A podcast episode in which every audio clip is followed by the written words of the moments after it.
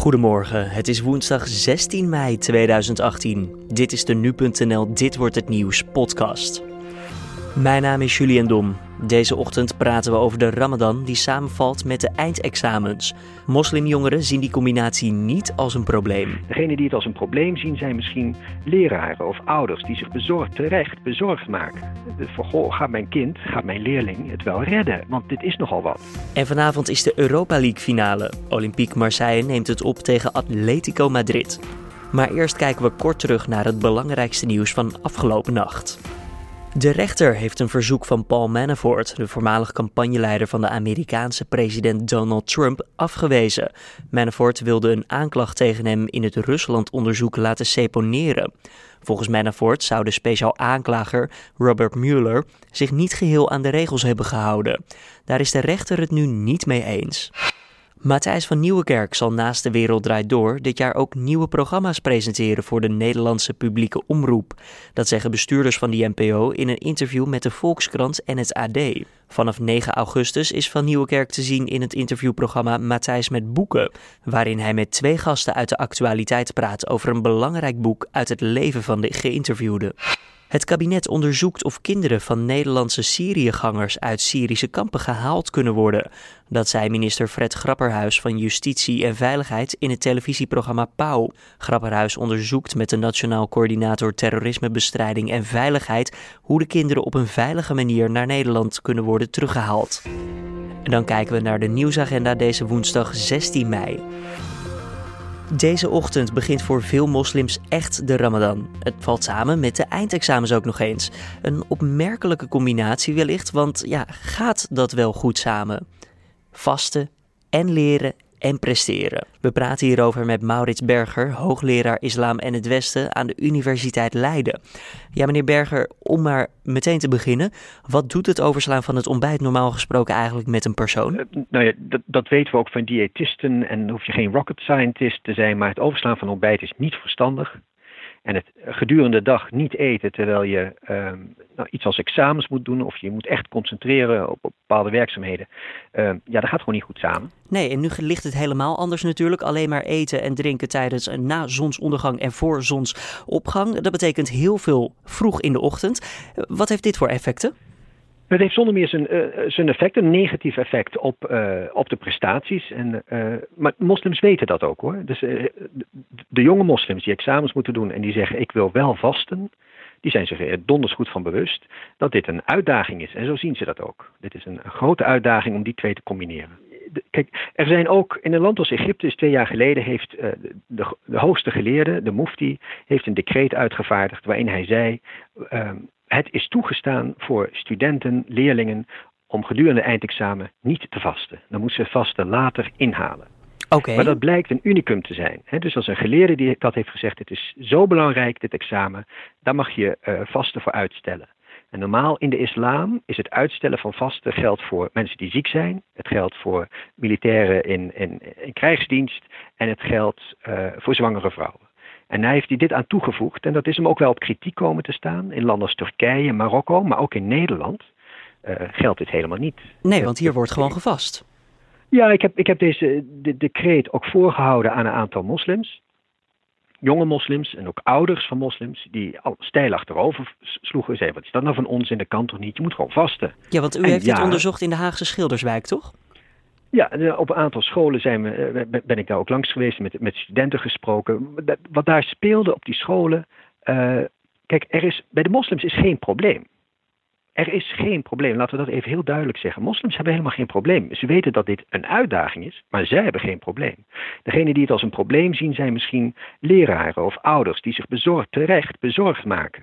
Van, goh, gaat mijn kind, gaat mijn leerling het wel redden? Want dit is nogal wat. En wat ik toen heb, uh, een paar keer heb meegemaakt, ik heb niet zozeer onderzoek gedaan, maar ik ben erbij geweest dat er uh, uh, ja, overleg was, vergaderingen met, met, ouders erbij, ouderavonden. Wat wordt er gezegd op zulke avonden? Nou, zowel voor de ouders als voor de leraren is het nieuw. Het, het, het, komt niet vaak voor. Hè? Die Ramadan gaat met een maanjaar. En dat, dus de Ramadan verschuift ieder jaar met een week. Dus volgend jaar zal hij weer een week vroeger beginnen, jaar daar twee weken vroeger. Dus we zullen hem nog een paar keer tijdens de examens tegenkomen. En daarna weer, wat is het, 40, 50 jaar niet. Dus die ouders hebben voor het eerst hiermee te maken, leraren ook. En de eerste wat ik meemaakte toen bij die ouderavond was in eerste instantie een soort ehm, ja, spanning dat beide kanten dachten we moeten inleveren. Dus de ouders dachten misschien moeten we geen ramadaan doen van die leraren. En de leraren dachten nou misschien denken zij dat wij uh, de, de, examens gaan aanpassen of opschuiven. Geen van beide kanten gaat dat doen. En toen dat ook eenmaal duidelijk was, toen ging het verhalen meer over van oké, dit is de situatie. Hoe gaan we hiermee om? Als jouw kind van de stoel afvalt, van de dorst in, in met alle spanning, wat moet ik dan doen? Ja, en wat mag je doen? En wat mag je doen? En die leraren weten dat, oh, docenten weten dat ook niet. Maar goed, daar was het overleg met die ouders heel goed. Want die zeiden, ja, hup, snel een drankje erin en bel mij maar op. Of uh, er was gewoon een gesprek gaande, waarbij die ouders ook konden laten zien van, ja, wij vinden dit ook enorm spannend. En wij willen heel graag dat die kinderen wel hun examens halen. En luister eens, vasten betekent niet dat je eh, er aan onderdoor moet gaan. Het moet wel iets spiritueel zijn dat het nog bijzonder blijft. Maar je hersenen die werken toch, nou, ik, ik ben geen expert, maar ik zou zeggen met honger kan je minder goed leren. Ja, ja, maar dat is ook een feit. Maar dat, dat, dat is ook niet omstreden. Maar dan, staan ze, dan hebben ze wel een eh, enorme achterstand, toch? Misschien een ja, uh, oneerlijke concurrentie, om het zo even te noemen. Dat zal ook wel, eh, dat is zeker zo, maar dat doen ze dus willens en wetens. Dus de moslims zijn zich er zeer van bewust de jonge moslims zijn zich zeer van bewust van ik, ik, ik sta onder enorme spanning, want ik moet mijn examen halen. En tegelijkertijd wil ik als moslim ook kunnen vasten. Nou, die twee gaan niet goed samen. Hoe gaan we dit het beste aanpakken? En de lat ligt dus heel hoog. En daar zijn ze zich heel goed van bewust. U heeft dit nu op um, lokaal, misschien uh, regionaal niveau besproken. Geldt dit ook voor heel Nederland? Want u zegt van ja, als, die, als er dan een jongen of een meisje omvalt, giet er maar een drankje in. Dat hebben de ouders gezegd. Zijn, uh, is, de, is de grote meerderheid het hiermee eens onder de moslimgemeenschap? Wat, wat ik eh, zelf, ik heb maar een aantal keren gehoord, ook ergens anders, dat een leraar, een docent, die dan zelf moslim was, het initiatief nam. Die zei, ik voel, ik, ik maak mij zorgen. En, uh, en die heeft een diëtist laten komen. Ze van, want hij wist, ze gaan het vaste niet, uh, uh, niet doen. Maar hij heeft een diëtist laten komen en zegt: Oké, wat voor eten moet je dan in ieder geval hebben om te zorgen? Want als je, die, als je de avond ervoor veel pizza gaat geven, ja, dan heb je de hele dag gillende dorst. Maar welke dingen moet je dan eten? Gewoon brain food had je het over. Wat, wat nou, is dat dan? Ik weet niet, was iets van noten en allemaal van dat soort zaken. Vond ik heel briljant. En het grappige is, dat heb ik op de Marokkaanse, uh, op het Marokkaanse of internetsites in Marokko doen dat ook. Want ook daar, en daar is het nog warmer dan hier. Dus nogmaals, het is geen probleem in de zin dat er iets opgelost moet worden. Het is gewoon een situatie die, uh, die het allemaal wat moeilijker maakt voor, voor leerlingen. Maar die situatie is er. Maurits Berger hoorde je, hoogleraar islam in het Westen aan de Universiteit Leiden. Ja, en wat moet je nou tussen zonsondergang en zonsopgang eten om optimaal te presteren overdag? Dat staat in ons artikel op nu.nl dat we in samenwerking met scholieren.com hebben gemaakt. De link vind je in de beschrijving van deze podcast. Vanavond staan Olympique Marseille en Atletico Madrid tegenover elkaar in de finale van de Europa League. Maar eigenlijk doet er ook een Nederlands team mee, want Feyenoord kijkt mee over de schouders van Marseille. Als de Fransen winnen, dan lijkt Feyenoord verzekerd van een plek in de groepsfase van de Europa League volgend jaar. En daarom zit Riepke Bakker van de Nu Sportredactie nu tegenover me. Riepke, dit lijkt mooi nieuws voor Feyenoord. Ja, ja, ja, er zit wel een heel klein slagje om de arm. Als Olympique Marseille namelijk derde wordt in de competitie komend weekend, dan gaan ze alsnog, gaat Feyenoord alsnog een voorronde moeten spelen voor de Europa League. Maar die kans is heel klein. Je kan zeggen, heel Rotterdam vanavond in spanning voor de buis. Want wint Olympique Marseille, dan gaat Feyenoord direct naar de groepsfase van de Europa League. Dit wordt gewoon een Nederlands tintje aan deze wedstrijd. En um, ja, Marseille wil die prijs ook gewoon. Ja, het is een beetje een. Eh, Marseille is een, is een, is een echte volksclub in Frankrijk. Is een hele grote club in Frankrijk. Ze hebben wel eens de Champions League gewonnen in 1993. Maar er zit altijd een beetje de zweem omheen van omkoping. Ze werden vlak daarna teruggezet naar, uh, naar het tweede niveau in Frankrijk, schuldig bevonden. Dus ja, er zit niet echt glans aan die prijs. Ook in 1999 haalden ze de finale toen van de UEFA Cup. In 2004 deden ze dat van de UEFA Cup. Maar die finales werden verloren. Dus je zou kunnen zeggen, dit kan eigenlijk de echte, prachtige, schitterende eerste Europese prijs worden met glans voor Olympique Marseille. Ze snakken zo naar iets om in die kast te zetten. Ja, absoluut. Dat is, het is, kijk, uh, Paris Saint-Germain is de grote club van Frankrijk, is de club van het geld. Dus in de competitie heeft Olympique Marseille niet zo heel veel te zeggen. In Europa kan het wel. En ja, één man waar we natuurlijk op gaan letten is Payet? Ja, Dimitri Payet. Ik weet niet of je nu nog twee, twee jaar geleden nog kan herinneren. Was het ja, de smaakmaker van Frankrijk op het EK. Schitterend schot prachtige assist. Nou ja, hij is uh, wat ouder. Hij is 31 inmiddels. Maar de laatste weken is hij weer ouderwets in bloed voor Marseille. Teruggekeerd eigenlijk bij die club om een, om een prijs te pakken. De laatste acht doelpunten die Marseille maakte in de Europa League. Ja, vijf keer gaf hij de assist en drie keer maakte, hem, maakte hij hem zelf. Dus, hij is overal bij betrokken. Ja, Marseille kan, uh, kan niks zonder Payet. En uh, alle oogjes, Franse ogen in ieder geval, op Payet vanavond. Ik denk misschien ook de Span, Spaanse ogen op Payet om hem misschien neer te halen. Kunnen we dat verwachten? Want Atletico, het is nogal een agressief team. Nou ja, het, het, is een, het is een vechtmachine en een hele succesvolle vechtmachine. Ze hebben vier finales gehaald de afgelopen jaren. Hè. Twee Geen keer prijzen? De, of twee keer de Champions League uh, verloren. Wel 2012 de Europa League finale gewonnen van Bilbao. En er is eigenlijk ja, één man, dat is de architect. Dat is de architect, dat is Diego Simeone. Die, uh, die was in zijn tijd als voetballer in Argentijn al een, uh, een aardige schopper, ruziemaker. En dat is hij ook als, uh, als coach, staat hij erom bekend. Hij heeft, hij onlangs laten zien. Ja, hij heeft uh, de heer uh, Turpin, een Franse scheidsrechter, in de halve finale tegen Arsenal helemaal de huid volgescholden.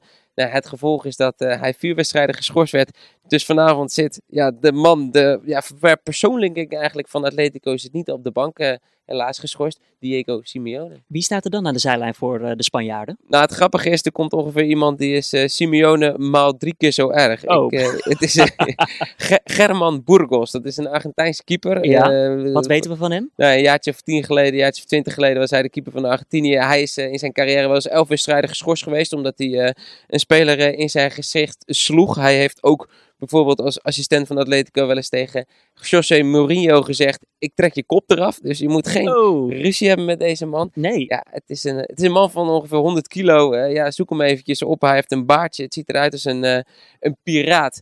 Na zijn carrière was hij ook nog eventjes uh, zanger van een metalband. Dus ja, het is uh, als je uh, Simeone een ruige man noemt, ja, dit is een soort piraat. Dit is uh, nog veel erger. En deze man krijgt dus de leiding vanavond bij Atletico. Nog één keer zijn naam, zodat we hem allemaal even op Google afbeeldingen kunnen vinden. German Burgos, heavy metal zanger, schop in het gezicht, of tras, klap in het gezicht en ja, bedreiger van José Mourinho. Dan eventjes de wedstrijd natuurlijk zelf, want Marseille tegen Atletico. Um, ja, wat kunnen we verwachten? Wordt het defensief? Wordt het aanvallend? Wordt het spektakel? Wordt het saai? Ja, dit, dit wordt Atletico. En Atletico is, nou ja, niet uh, spectaculair. Je hoeft niet te gaan voor het, voor het mooie voetbal. Maar het is wel echt een hele georganiseerde ja, machine. Het is uh, verdedigen en dan op het juiste moment eruit. En dan de man op de, ja, een van de beste voetballers van Europa, Antoine Griezmann.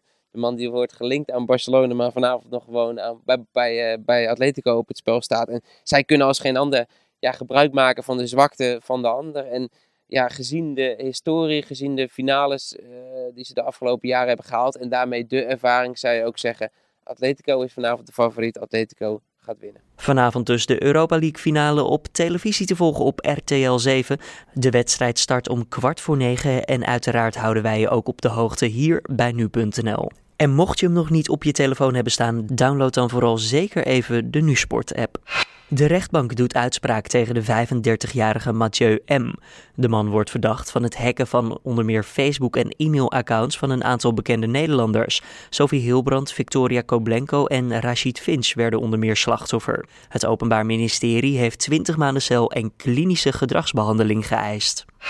De inlichtingencommissie in de Amerikaanse Senaat stemt over de nominatie van Gina Haspel als nieuwe directeur van de CIA. Vorige maand stuurden nog 109 gepensioneerde generaals en admiraals uit de Amerikaanse strijdkrachten een brief naar de Senaat om de benoeming van Haspel tegen te houden. Dat vanwege haar betrokkenheid bij verhoren met marteling in het verleden. De miljarden kostende brug die tussen Rusland en de Krim is aangelegd wordt opengesteld voor het verkeer. De brug over de straat van Kerch tussen het Schiereiland en het Russische vasteland is omstreden. De Krim werd in maart 2014 geannexeerd door Rusland, maar was over land alleen via Oekraïne te bereiken. Een jaar na de annexatie werd begonnen aan de bouw van de brug. Die symbool is komen te staan voor de Russische inlijving van de Krim. En dan kijken we naar het mediaoverzicht van deze woensdag 16 mei. Projectontwikkelaars, bouwbedrijven en woningcorporaties voelen zich overvallen door het volgens hen overhaaste verbod op het bouwen van nieuwbouwwoningen met aardgas.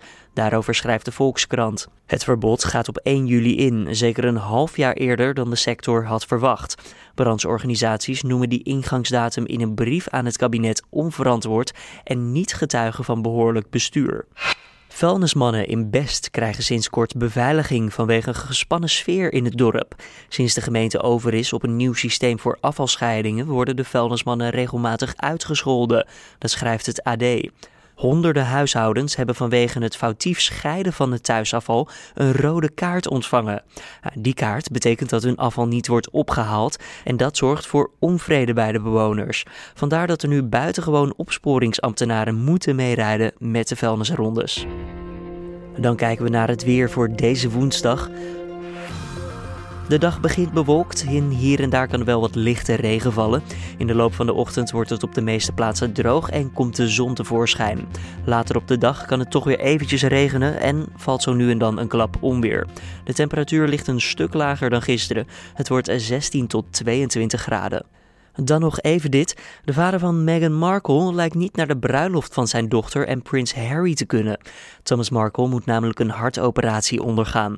De man werd vorige week getroffen door een hartaanval en afgelopen dinsdag werd duidelijk dat hij geopereerd moet worden. De vraag is nu wie Markle naar het altaar moet brengen, nu haar vader die taak niet op zich lijkt te kunnen nemen. Haar moeder, Doria Ragland, lijkt de meest voor de hand liggende kandidaat. Maar misschien voel jij je ook wel geroepen. Ik zal je niet tegenhouden. Je kan simpelweg contact opnemen met de koninklijke familie in Groot-Brittannië via royal.uk/contact. Je weet maar nooit. Dit was dan de Dit wordt het nieuws podcast van deze woensdag 16 mei. Je vindt de podcast maandag tot en met vrijdag om 6 uur ochtends op nu.nl. Ben je positief over de uitzending? Laat het dan even weten via een recensie op iTunes of stuur een mailtje naar redactie@nu.nl. Voor nu, tot morgen.